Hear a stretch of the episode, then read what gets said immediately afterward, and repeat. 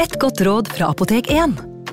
Nå er snart pollensesongen i gang, og et godt råd til deg som sliter med pollenallergi, er å begynne behandlingen i god tid før allergisesongen starter.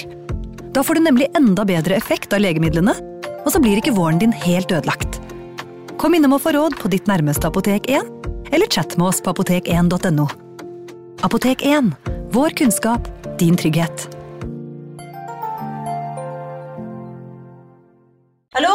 Jeg kommer fra Oslo politikammer. Ine Jansen er purk. Er du purk? The motherfucking bitch. Alt jeg vil, er å finne ut hva som skjedde med mannen min. Jon Carew. Er jeg sikta for noe? Iben Akeli. Det er du.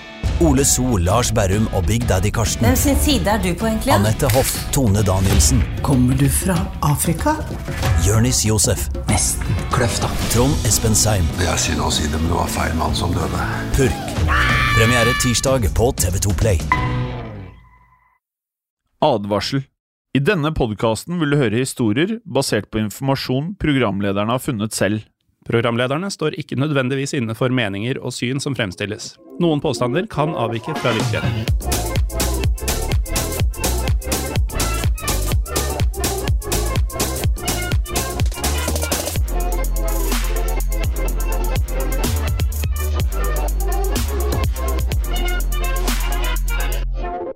Hei og velkommen til en ny episode av Historiepodden. Mitt navn er Morten Galaasen. Og mitt navn er Jim Fosheim.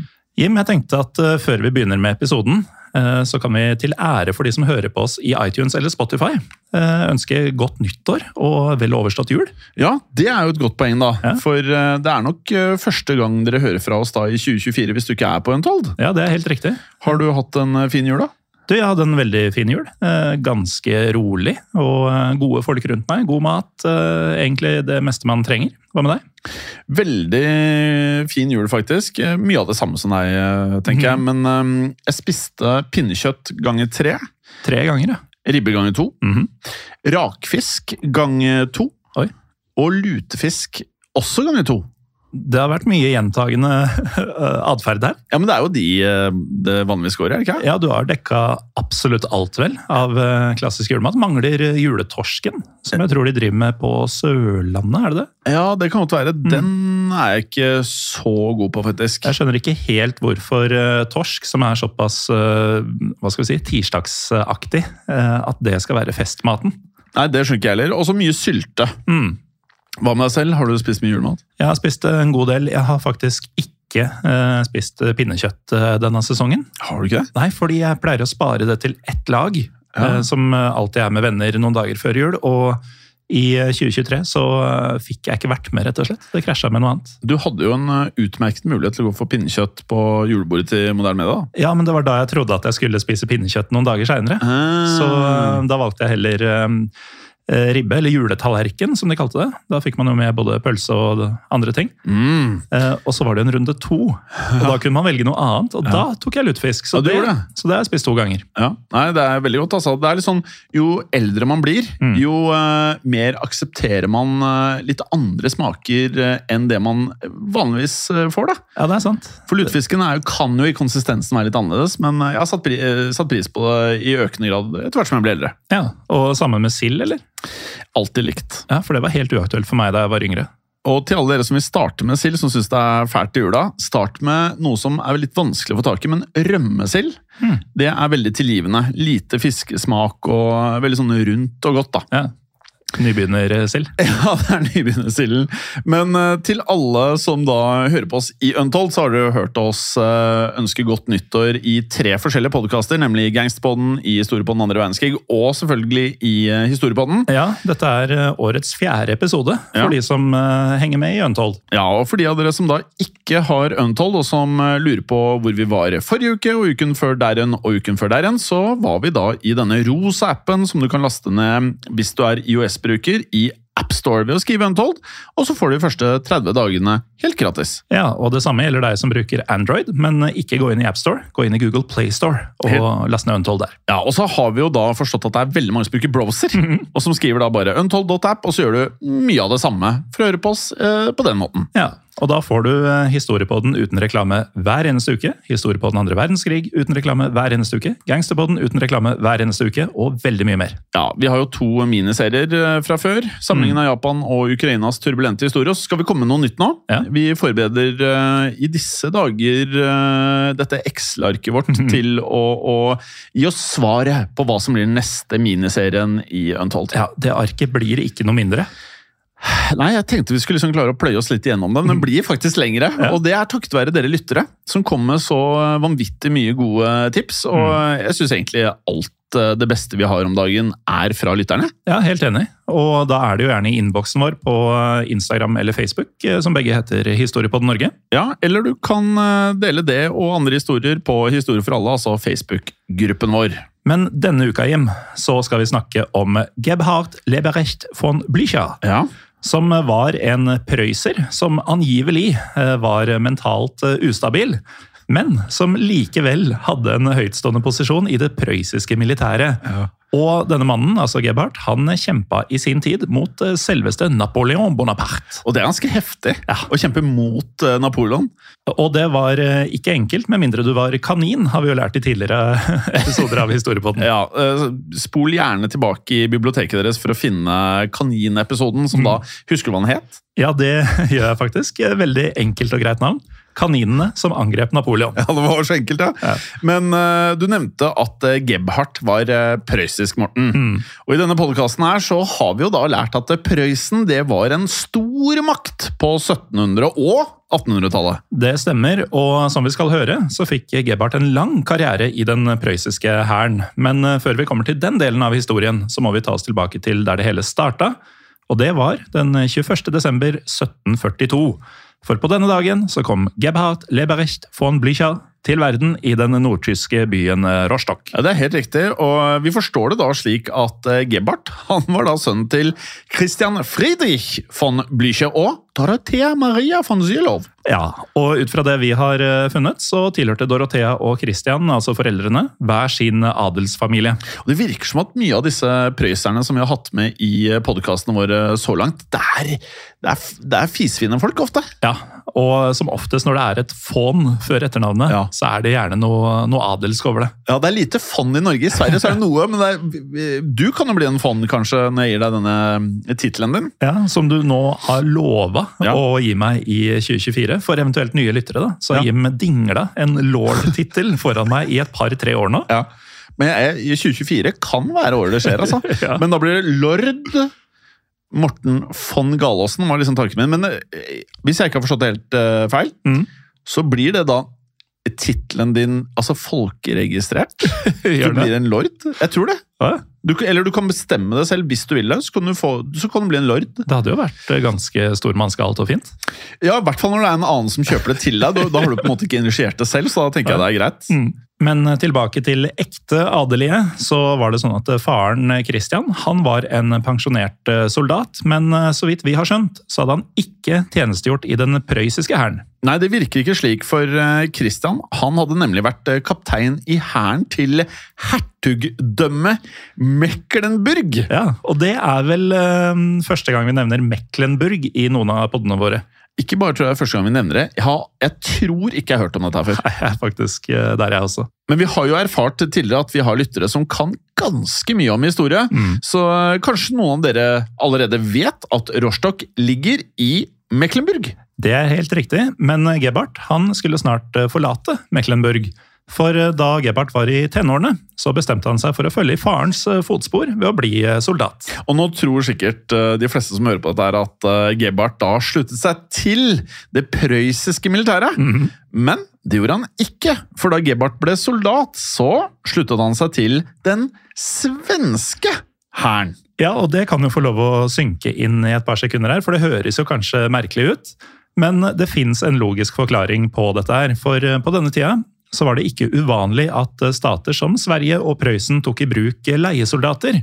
Og derfor så gikk Gebhardt nå inn i svensk tjeneste som nettopp det, en leiesoldat. Og nå tenker nok mange at eh, det å være leiesoldat det kan være greit å bli først når du har en god del livserfaring. Ja, du bør i hvert fall være gammel nok til å gå inn i allmenn vernepliktstjeneste, som 18-19 år f.eks. For eksempel, men Gebhardt han var ikke, han var ikke helt 20 ennå. Han var nemlig kun 16 år, for nå er vi kommet til 1759. Ja, Så man skjønner jo at dette var litt eh, andre tider, eh, når en 16-åring kunne verve seg som leiesoldat for en fremmed hær. Men eh, derfor så ble ikke Gebhardt ansett som for ung til å være soldat. Og med det så startet det som ble en svært lang militærkarriere. Det er helt riktig, for nå begynte Gebhardt å tjenestegjøre som ryttersoldat. Og da deltok han i det som da huskes som syvårskrigen. Kan jeg bare skyte inn før vi går videre at uh, siden du nevnte ryttersoldat, mm. så har vi et par episoder nå om djevelkommandanten i uh, historie på den andre verdenskrig. Han gjorde ganske utrolige ting fra hesteryggen. Ja, han uh, likte hest og ære, Ja. og kriget en god del. Men apropos krig, eh, denne syvårskrigen må vi si litt om. Ja, for eh, det var jo da en krig som varte i nettopp syv år. Ah. Fra 1756 til 1763. Men det hadde vært ganske typisk om den ikke varte i syv år.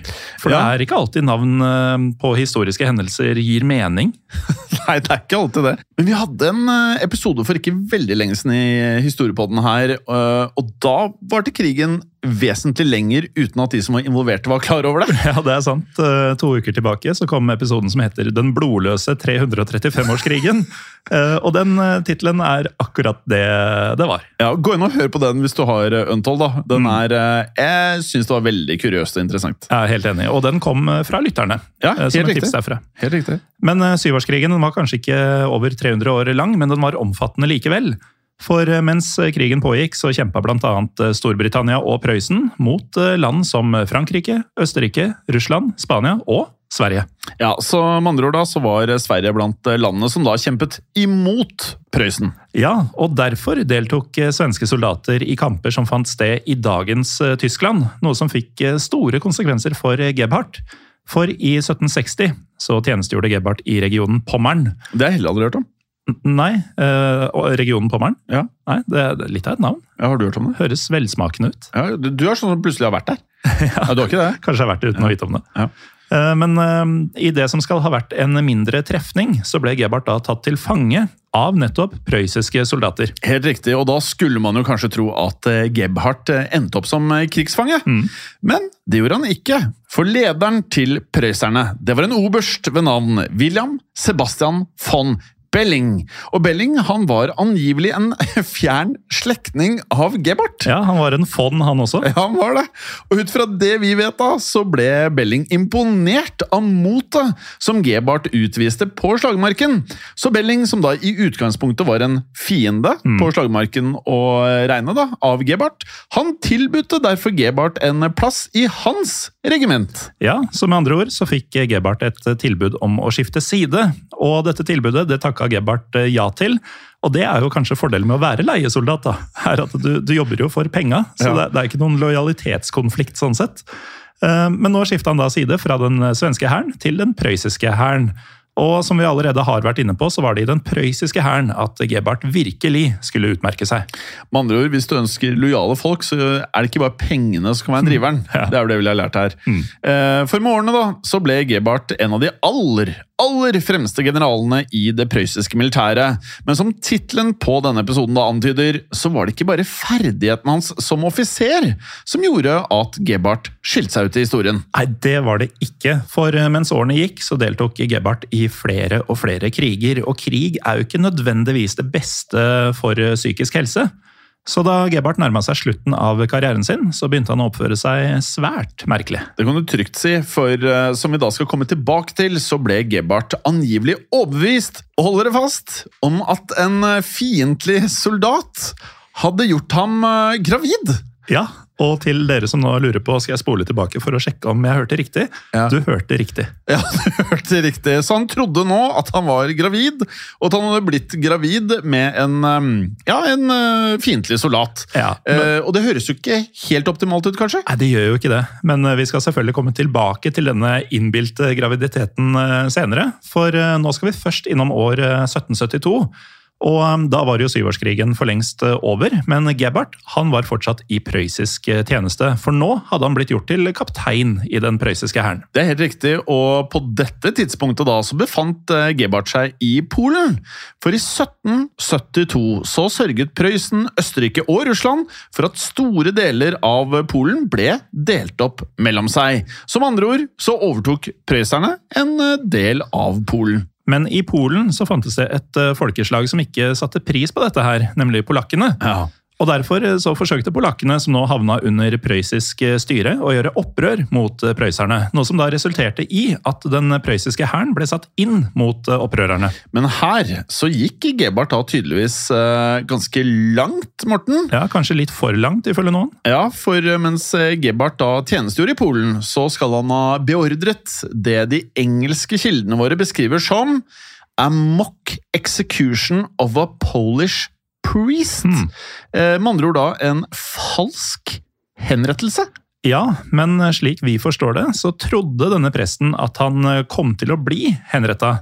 Så etter alt å dømme så var dette en slags eh, ondsinna spøk fra Gebhardts eh, side. Det kan virke sånn, og det er nok kanskje noe som ikke faller i alles eh, smak med en sånn type humor, Morten. Nei, det er jo ikke alt som er lov å spøke med nå i 2024. Det var i hvert fall ikke det på 1700-tallet. Nei, de likte ikke dette her. Så i den prøyssiske hæren så ble oppførselen til Gebhardt nå lagt merke til i negativ forstand. For ifølge informasjonen vi sitter på, så sørga denne falske henrettelsen for at Gebhardt han ble nekta en forfremmelse til graden major. Det er helt riktig, og med det så måtte da Gebhardt eh, fortsette å tjenestegjøre som kaptein, noe han da tydeligvis ikke var fornøyd med. For nå skal vi til 1773, og Gebhardt han hadde nå fylt 30 år, og nå var han eh, å betrakte som sint. Han, altså, han var ikke blid. Han var ikke blid, han var så lite blid at han bestemte seg for å slutte i hæren. Så i løpet av 1773 så skrev Gebhardt et eh, oppsigelsesbrev, og dette brevet det sendte han til Prøysens daværende konge,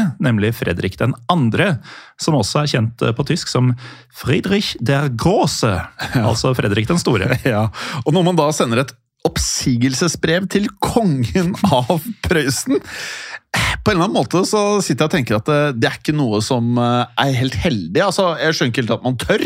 Nei, og det fins jo folk mellom deg og kongen, som Ja. er dine overordnede, som kanskje heller skulle fått det brevet først. For det virker jo som det aller mest naturlige. Ja, En major eller general, f.eks. Men eh, Gebhardt han var jo ikke bare litt eh, freidig her, han var eh, meget eh, freidig. For eh, ifølge det som finnes av beskrivelser, så var dette brevet hans eh, svært uhøflig. Så da kong Fredrik den store leste brevet, så skal han ha hissa seg kraftig opp, han også, så nå var det flere som var sinte. Og derfor endte det med at Fredrik uttalte følgende. Hautmann Blücher kan sich som Teufel begeben. Ja, og på norsk så blir det noe sånt som Kaptein Blücher kan begi seg til djevelen. Og eh, i våre dager ville man kanskje bare sagt noe sånt som Kaptein Blücher kan dra til helvete. Man hadde kanskje det, og jeg tenker at når kongen av Prøysen ber deg om å dra et visst sted, da har du kanskje bommet litt. Nei, men eh, dersom Gebhardt på noe tidspunkt endte opp i helvete, så var det ikke nå med en gang. For eh, da han slutta i hæren, så flytta han i stedet ut på landsbygda, og så brukte han de neste 13 årene på å drive med jordbruk. Noe som viste seg å være veldig lukrativt, for eh, som vi har nevnt, så tilhørte Gebhardt den prøyssiske adelen. Og derfor så hadde han pengene til å kjøpe opp en rekke med jordeiendommer. Han hadde det, og takket være alle disse eiendommene da, så ble Gebhardt eh, til slutt så rik at han rett og slett ikke trengte å jobbe noe mer. Ja, og det kan jo slå ut to, eh, på to måter. Altså, Det høres jo veldig fint ut, men for Gebhardt så ble denne arbeidsløse tilværelsen etter hvert kjedelig. Så til slutt så begynte Gebhardt å lengte tilbake til livet som soldat. Og derfor, Morten, så skal da Gebhardt til slutt ha skrevet enda flere brev til kong Fredrik. Er ikke nødvendigvis den beste ideen. Nei, jeg tenker at uh, kanskje det holdt med det ene. uh, vi har funnet en liten oppsummering av uh, dette her i en artikkel, og bare hør på følgende. Gebhardt brukte fritiden sin til å skrive ekstremt lange og grammatisk ukorrekte brev til kongen, der han da krevde å bli gjeninnsatt som offiser. Du hadde jo tysk på skolen, Jim. Eh, ja, Ja, Tyskerne de er ikke glad i grammatisk ukorrekte setninger. de liker det veldig dårlig. Ja, det, det skal være etter reglementet. Og det kan virke som om kong Fredrik eh, følte det på samme måte, for han satte visstnok lite pris på disse brevene som var veldig lange og fulle av feil. Så mens eh, Fredrik den store satt på tronen, så nekta han å slippe Gebhardt inn i hæren igjen. Men i 1786 så døde kong Fredrik i en alder av 74 år, så nå ble Fredrik da etterfulgt av nevøen sin, Friedrich Wilhelm, og han hadde tydeligvis ingenting imot Gebhardt, for i 1787 så ble Gebhardt igjen sluppet tilbake i hæren, og da fikk han en stilling som offiser i det gamle kavaleriregimentet sitt. Ja, og nå ble Gebhardt eh, omsider også gjort til major, så med det så fikk han endelig denne forfremmelsen som han hadde ønska seg mange år i forveien. Men i årene som fulgte, Morten, så skulle Gebhardt eh, bli forfremmet enda flere ganger, for i 1789 så brøt jo da den franske revolusjonen ut. Og vi kommer stadig tilbake til den franske revolusjonen selv i episoder som ikke handler om den egentlig, men eh, for å oppsummere, så resulterte revolusjonen i at det franske monarkiet det ble avskaffa til fordel for en republikk. Og det skapte stor bekymring i kongeriker og keiserdømmer som Storbritannia, Østerrike, Russland og Prøysen. Så i løpet av 1790-tallet så erklærte disse landene krig mot Frankrike i et eh, forsøk på å gjeninnføre monarkiet i Frankrike.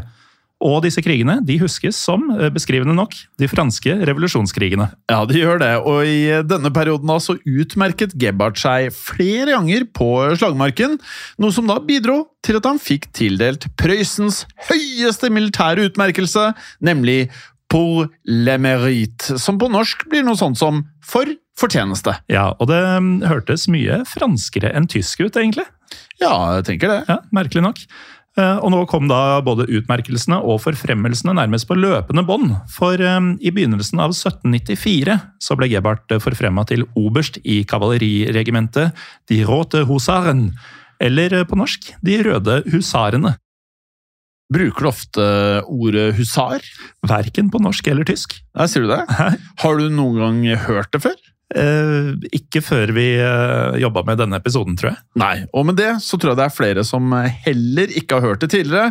Så vi kan jo da legge til da, at en husar er en type lett bevæpnet ryttersoldat. Ja, Så nå vet vi det, at eh, han var da med i de røde, lett bevæpnede ryttersoldatene. Helt riktig. Eh, Men nå kan vi ta oss videre til mai 1794, for eh, i løpet av denne måneden så skal Gebhardt ha vunnet et eh, mindre slag mot franskmennene.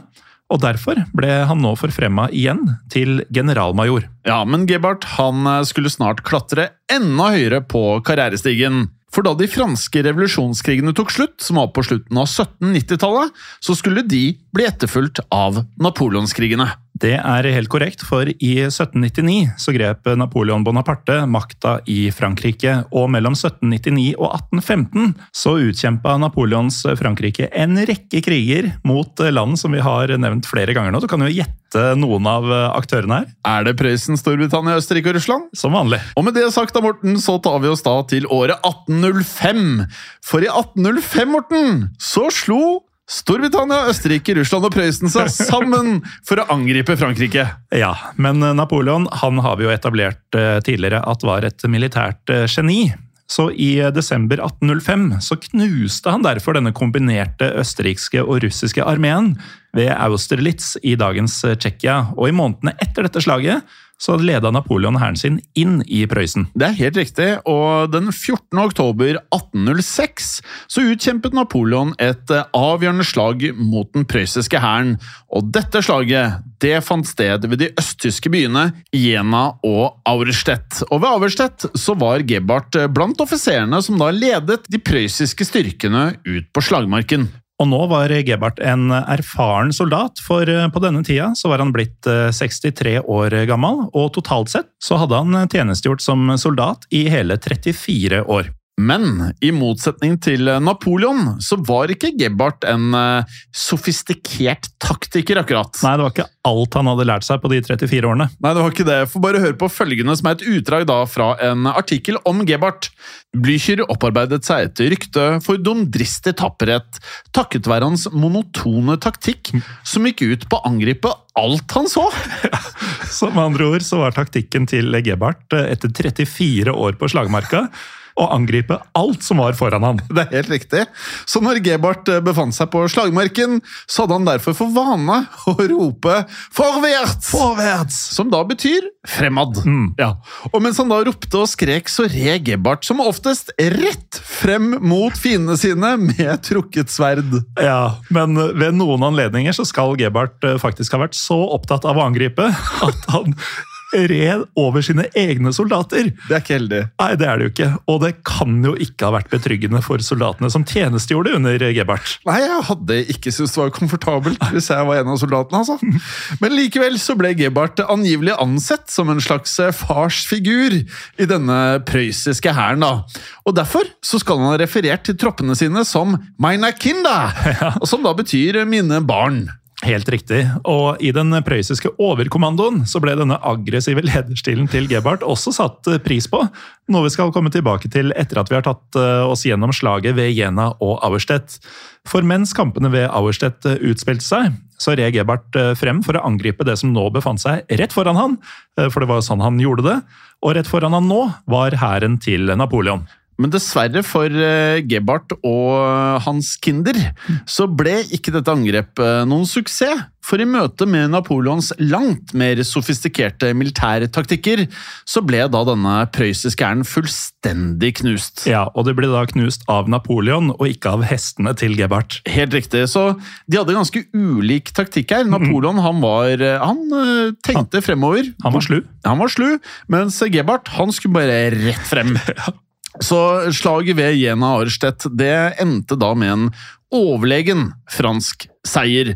Og Derfor så måtte både Gebhardt og Prøysen til slutt da overgi seg til Napoleon. Ja, og dette nederlaget det gikk hardt inn på Gebhardt. For eh, nå hadde jo Gebhardt kjempa mot Frankrike i mange år gjennom forskjellige kriger.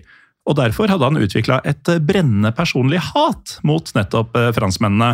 Så da Prøysen tapte krigen mot eh, Napoleon, så skal Gebhardt ha fått et slags nervesammenbrudd. Og da freden etter hvert kom, så trakk Gebhardt seg tilbake til et av godsene sine, og der begynte han å utvise stadig eh, mer spesiell oppførsel. Ja, blant uh, tingene som uh, Gebhardt var uh, helt overbevist om, var at franske spioner hadde infiltrert godset hans. Hmm.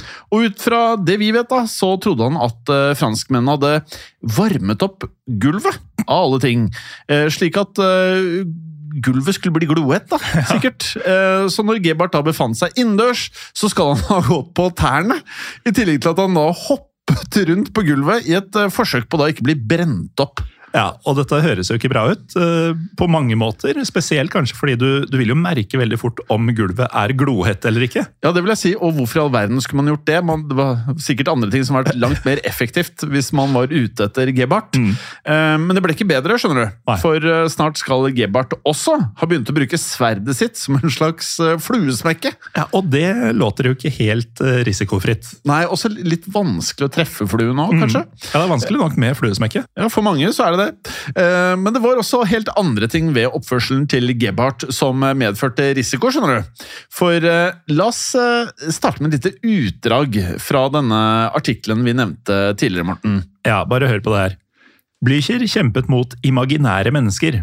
Han knuste mange møbler i prosessen. Og en gang ba Blücher en av tjenerne sine om å knuse hodet hans med en hammer fordi det var blitt til stein. Noen mulige årsaker til Blüchers galskap inkluderer en sårdannelse i urinrøret, alkoholisme eller schizofreni. Hans sønn Frans ble også innlagt på galehus for å ha løpt gjennom gatene i Potsdam og skutt vilkårlig mot folk. Så kanskje var galskap en familietradisjon. Ja, det var Mye her som vitner om galskap, faktisk. Ja, det var eh, ikke normal oppførsel. Nei, men selv om Gebhardt da oppførte seg mildt sagt eh, snodig, så var han fortsatt høyt respektert i Prøysen. Og i løpet av de neste årene så ble han en talsmann for det prøyserne kalte De Krigspartei. Og De Krigspartei det besto av prøysere som mente at Prøysen burde gå til krig mot Frankrike igjen. Ja, og som vi nevnte, så hadde jo Gebhardt eh, lagt eh, franskmennene for hat. eh, Og nå var han visstnok besatt av tanken på å revansjere seg mot den franske hæren og, så vidt vi vet, disse franske spionene som gjorde gulvet hans så veldig, veldig varmt. Ja, Men det fikk han faktisk snart sjansen til å gjøre, Morten. For i 1813 så hadde krigslykken vendt seg mot Napoleon. Så nå erklærte Prøysen igjen krig mot Frankrike. Og med det så slo prøysserne seg sammen med Østerrike, Russland og Storbritannia for å angripe Napoleon. Det var eh, en eh, litt sånn eh, standardkoalisjon, dette her. Ja, det føles sånn. over flere tiår. nå. Og I kampene som nå fant sted, så var Gebhardt nok en gang å finne i spissen for prøyssiske hærstyrker. For i løpet av 1813 og 1814 så deltok Gebhardt i flere viktige slag. Og etter å ha utvist både tapperhet og inspirerende lederskap, så ble Gebhardt forfremmet til feltmarskall, som blir feltmarskalk på norsk, eh, kanskje ikke så overraskende. Og med det så ble Gebhardt en av de mest høytstående offiserene i den prøyssiske hæren. Og med det sagt, da, Morten, så eh, skal vi spole tiden litt fremover i tid, for vi skal da til 1814, og da ble Napoleon omsider beseiret. Og da ble han som kjent eh, tvunget til å abdisere som fransk keiser, før han deretter ble sendt til eksil på en øy ved navn Elba, som da ligger i Middelhavet. Ja, men der skulle ikke Napoleon bli værende lenge, for i februar 1815 så rømte Napoleon fra Elba. Og i mars 1815 så vendte Napoleon tilbake til Paris for å ta tilbake keisertronen. Og som lytterne kanskje vet, så ble ikke dette godt mottatt i resten av Europa. Så nå havna Napoleon og Frankrike i en ny krig mot Storbritannia, Prøysen, Østerrike og Russland. Ja, men nå skal vi rette blikket tilbake mot eh, Gebhardt. For eh, da Gebhardt ble feltmarskalk, så fikk han et nytt kallenavn. Nemlig Marschall Førwärts. Altså marskalk fremad. For som vi da nevnte, så var han jo veldig glad i å rope Førwärts til mennene sine og bare, eh, ja, gi gass fremover. Fremover skulle det. Og um, i 1815 så hadde Gebhardt eh, egentlig ingen planer om å rykke ut i felten igjen.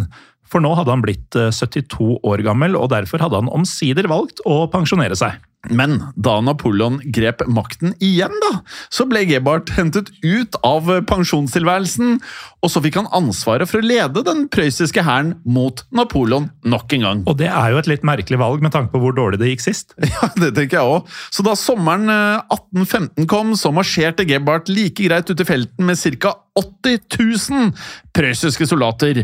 Og nå satte prøysserne kursen mot Belgia, for der håpet Gebhardt å slå seg sammen med en britisk hær under ledelse av Arthur Wellesley, bedre kjent som The Duke of Wellington. Ja, og nå er det nok eh, en god del lyttere som skjønner hvor vi er på vei. For det var som kjent i Belgia at eh, Napoleon utkjempa det mest berømte av alle slagene sine, nemlig slaget ved Waterloo. Helt riktig, men når vi da tar oss gjennom slaget ved Waterloo, så skal vi holde fokuset på vår mann, altså Gebhardt. Med andre ord så skal vi ikke ta for oss hele slaget. Nei, men det kan være at vi sparer til en egen episode i framtida. Det blir jo en egen episode. Det Det, må det bli. Ja. Men nå, Morten, så skal vi til 16. juni 1815. For eh, ved Waterloo, da, som eh, ligger i utkanten av den belgiske hovedstaden Brussel, så gjorde britene seg nå klare til å møte den fremrykkende hæren til Napoleon. Ja, men Gebhardt og hans eh, prøysere de var fortsatt på marsj mot eh, Waterloo. og Derfor så bestemte Napoleon seg for å angripe prøyserne før de nådde frem til britene.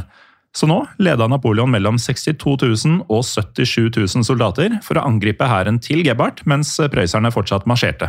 Og Gebhardt han hadde jo som nevnt da kommandoen over 8000 mann. Som andre ord da, så hadde han da flere soldater enn det Napoleon hadde. Ja, Men så hadde jo Napoleon et uh, taktisk overtak, kan man jo si. Ja, så Den ene likte å se an litt hva som var smartest, mens den andre ville bare rett frem. Så da franskmennene til slutt angrep prøyserne, så gikk det svært dårlig for Gebhardt. For eh, nå ble hæren til Gebhardt rett og slett slått og drevet på flukt av Napoleon. Og dette skjedde i nærheten av den belgiske landsbyen Ligny. Og for Gebhardt så ble dette tapet ekstra ydmykende, for Gebhardt han hadde jo en tendens til å lede kavaleriangrep personlig.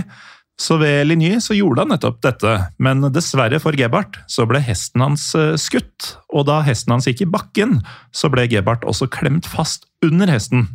Og Derfor så lå Gebhardt eh, fanget under den døde hesten sin gjennom mesteparten av slaget. Og med det så gikk Gebhardt eh, mer eller mindre glipp av eh, slaget. Ja, du kan si det sånn, men eh, etter at eh, natta senka seg, så ble Gebhardt da heldigvis redda av den personlige adjutanten sin, en August Ludvig Ferdinand Graf von Nostitz-Rinek. Ja, og takket være Norsich-Rinek så endte Gebhardt opp på nærliggende bondegård, der han da snart fikk behandling av en lege som ikke kan navnet på. Men vi er eh, kanskje også litt usikre på mm, kvalifikasjonene til denne legen, for eh, Gebhardt han fikk ikke det vi kan kalle en konvensjonell behandling her.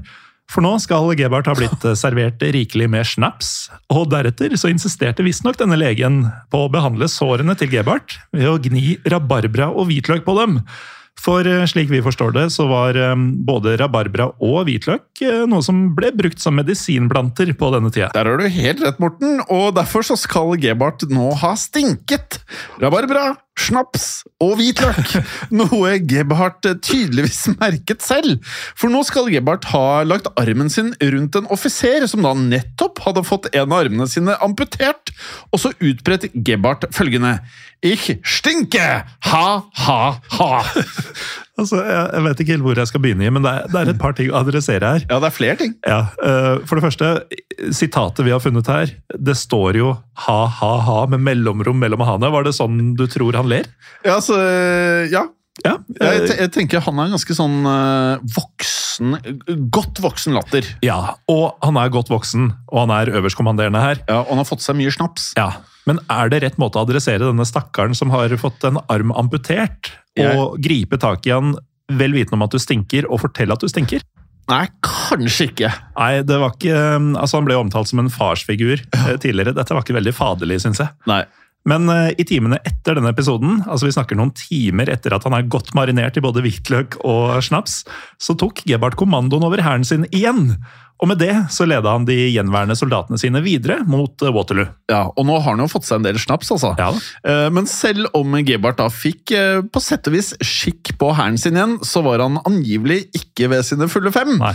For du husker vel at jeg nevnte tidligere at uh, han uh, Fikk for seg noen litt merkelige greier? Ja, han gjorde det. For uh, mens hæren hans da marsjerte mot Waterloo, så har det da blitt hevdet at Gebhardt da for første gang her mente at fienden hadde gjort han gravid. Ja, og dette høres jo rimelig absurd ut, men nå skal Gebhardt altså ha trodd at han hadde blitt inseminert av en menig fransk soldat. Så det var til og med en spesifikk type motstander som han mente hadde gjort dette mot han. Ja. Eh, og dette mente Gebhardt visstnok at eh, hadde skjedd uten hans eget samtykke.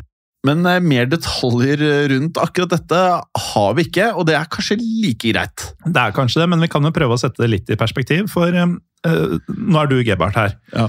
Du er altså en 72 år gammel prøyssisk feltmarskalk. Du leder en hær som snart skal delta i et av historiens viktigste slag. Du stinker muligens fortsatt av både snaps og rabarbra og hvitløk. Og du er overbevist om at en fiendtlig fransk soldat har gjort deg gravid. Da tror jeg at jeg ikke hadde vært veldig klar for kamp, skal jeg være helt ærlig. Men eh, jeg er jo litt sånn uh, skvetten av meg, så jeg hadde ikke vært klar uansett. Men Gebhardt han uh, trodde ikke at han var gravid med en vanlig baby, Morten. Nei. Han trodde nemlig at han hadde et elefantfoster i magen. Jeg skal være helt ærlig nå, Jim. Jeg tenker personlig at Gebhardt ikke framstår som den best eh, egna kandidaten til å lede den prøyssiske hæren. Men det er ikke noe nytt i historiepodden, det, Morten. Nei, Det er sant. Det, det, er, det er, mange folk vi sitter og tenker hvordan all verden fikk du denne posisjonen? Mm. Men dessverre så var den prøyssiske overkommandoen av en helt annen oppfatning enn oss, Morten. For nå hadde jo Gebhardt tjenestegjort lenge i militæret, Morten, i hele 43 år. Så derfor så var han jo svært erfaren. Og som nevnt så var han også populær blant de prøyssiske soldatene, noe som da var gull verdt på slagmarken. Nettopp, og derfor så skal noen i den prøyssiske militærledelsen ha uttalt følgende. Blücher muss die Armee anführen, auch wenn er 100 Elefanten in sich trägt. Og som mange som hører på antagelig har forstått allerede, så blir det altså dette her på norsk. Blücher må lede hæren selv om han har 100 elefanter inni seg. Med andre ord så må de ha hatt enormt med tillit til Blücher. Ja, eh, Til og med ikke 100 elefanter i magen kunne fjerne denne tilliten. Nei, Og dermed så var det Gebhardt som da ledet prøysserne frem mot Napoleon. Men Napoleon skulle nå frem til Waterloo før prøysserne klarte det. Så den 18. juni 1815 så ble de britiske styrkene angrepet av Napoleon. Og Kort oppsummert eh, så betyr det at eh, styrkene til Wellington de måtte forsvare seg for harde livet. Og Da ettermiddagen gikk mot eh, slutten, så var situasjonen kritisk for britene. For dersom Gebhardt og prøysserne ikke dukka opp snart, så virka det som at franskmennene de kom til å vinne dette slaget. Og Derfor skal Wellington nå ha uttalt følgende Gimme Night og gimme Blücher. Så nå var nesten hele hæren til Napoleon i kamp mot hæren til Wellington, og et av Napoleons aller viktigste våpen var kanonene hans. Ja, og Selv om disse kanonene kunne gjøre stor skade, så lagde de også mye støy. Og akkurat den støyen den skulle komme til britenes fordel, for takket være lyden fra kanonene til Napoleon, så visste Gebhardt akkurat hvor han skulle lede soldatene sine og klokken 16.30 så dukket prøysserne uventet opp langs den venstre flanken til den franske hæren, og med det ga Gebhardt ordre om å angripe, så nå løftet han sverdet mens han da ropte 'Forwärts!' Ja, tradisjonen tro. Og nå hadde Napoleon 73 000 soldater til disposisjon, mot Wellington sin 68 000 og Gebhardts 50 000. Så Napoleon han var tallmessig underlegen, og for å gjøre det verre, så kom dette angrepet til Gebhardt uventa på franskmennene. Så derfor klarte prøysserne å drive franskmennene på retrett, og da britene også gikk på offensiven, så ble hæren til Napoleon angrepet fra to forskjellige retninger. Og med det, Morten, så ble nederlaget et faktum for Napoleon. Og da kvelden kom, så flyktet Napoleon derfor tilbake til Paris. Det stemmer, og som lytterne vet, så måtte Napoleon deretter abdisere på nytt, før han så ble sendt i eksil for andre og siste gang. Men tilbake til Gebhardt, for eh, ut ifra det vi har fått med oss, så eh, lå det vel ikke i kortene at eh, Gebhardt kom til å beseire Napoleon? Nei, det, det lå ikke til rette for det sånn, sånn, vi har lært Gebhardt å kjenne. Men likevel så hadde Gebhardt altså bidratt til at Napoleon ble slått. og Derfor så kan vi jo trekke frem et sitat som oppsummerer Gebhardts rolle i slaget ved Waterloo. Dette sitatet det kommer fra en biografi som heter The Life of Blücher, Man of Waterloo. Og det lyder som følger. Blücher may not have been totally responsible for victory over Napoleon, but he deserved full credit for preventing a British defeat. Så om det ikke hadde vært for Gebhardt, så kunne Napoleon kanskje ha vunnet ved Waterloo? Ja, men sånn gikk det jo ikke, og med det så skrev Gebhardt seg inn i historiebøkene. Det gjorde han, Morten. Og vi kan jo legge til da, at eh, Gebhardt Leberecht von Blücher han pensjonerte seg fra militæret i oktober i 1815. Ja, og han skulle få vesentlig kortere pensjonstid enn han hadde hatt tid i militæret. Det fikk han, for 12.9. september i 1819 så døde han i en alder av 76 år. Men da Gebhardt omsider gikk bort, så hadde han fått eh, status som Prøysens mest berømte soldat, og har i ettertid fått både monumenter og skip oppkalt etter seg. Ja, og blant eh, skipene som er oppkalt etter Gebhardt, så finner vi f.eks. det tyske slagskipet Blücher fra andre verdenskrig. Og Blücher det ble jo senka ved Oscarsborg i Oslofjorden, så hvis man befinner seg der en gang, så er det et eh, historisk eh, sted av eh, flere årsaker. Det er det, og for en episode vi har hatt i dag. Ja, for en historie, og for et liv. Ja, her er, Det er noen sånne episoder som virkelig skiller seg ut. Van der Fjart, blant annet, ja, er jo en av de. Han her ah, det var kanskje ikke like ekstremt uh, mengden med skader han fikk, han Blücher. Nei, i hvert fall ikke fysisk. Men allikevel en kanskje like vanvittig historie. Ja, uh, vanvittig er nok ordet å dra fram uh, av flere årsaker. til dere som hører på, vi er jo tilbake også neste uke med en ny episode, men da i Untold. Hvis man har ideer til flere historier som vi bør fortelle, som vi kanskje ikke vet om fra før, så del det med oss. Eh, send det gjerne som en eh, privatmelding til Historiepodden Norge på Instagram eller Facebook. Eller del det på Historie for alle, som er Facebook-gruppen vår. Ja, og igjen, hvis man ikke fikk med seg hvordan man får tak i Untold, så kan Android-brukere laste den ned i Google Play Store. Og er du IOS-bruker, så går du på AppStore og skriver Untold, og alle steder så får du da de første 30 dagene helt gratis. Ja, og nettleseren kan også brukes. Da går du inn på untold.app og skaffer tilgang på den måten. Ja, og så kan du høre både Gangsterpodden, Historiepodden andre verdenskrig, True Crime-podden, Henrettelsespodden og en rekke andre podkaster i Untold. Mange titalls. Ja, ja kan det være over 100? Det kan være. Men uh, noe som kan bidra til at det i hvert fall er over et tresifret antall podkaster du kan høre i Untold, ville jo vært hvis du kommer med mange gode tips til miniserier, som. Morten og jeg kan lage fremover. Mm. Skjønte du hva jeg gjorde der? Jeg skjønte det. Ja. Jeg er imponert. ja, takk. Og med det, Morten, dette har skjedd. Og det kan skje igjen. Ha det bra. Ha det. Historiepodden ønsker å takke følgende. Dere som hjelper oss som sitter i produksjonen. Dere som hjelper oss som sitter i redaksjonen, inkludert eh, tekstforfattere. Det er helt riktig. Og dere som sitter på marked, som faktisk da gir oss muligheten til å drive med Historiepodden. Og selvfølgelig alle dere som hører på. Tusen takk. Moderne media. Har du et enkeltpersonforetak eller en liten bedrift? Da er du sikkert lei av å høre meg snakke om hvor enkelt det er med kvitteringer og bilag i fiken, så vi eh, gir oss her, vi. Fordi vi liker enkelt. Fiken superenkelt regnskap. Hei, og takk for at du lytter til Historiepodden. Skulle du ønske at du kunne høre en ny episode av Historiepodden hver eneste uke? Vel, da er det én ting å gjøre. Da kan du laste ned podkastappen Untold med det samme. For i tillegg til ukentlige episoder av podkaster som Historiepodden andre verdenskrig, Henrettelsespodden og også Gangsterpodden, så får du masse annet reklamefritt og også eksklusivt innhold. Last ned Untold i AppStore eller Google Play og start din 30 dagers gratis prøveperiode allerede i dag.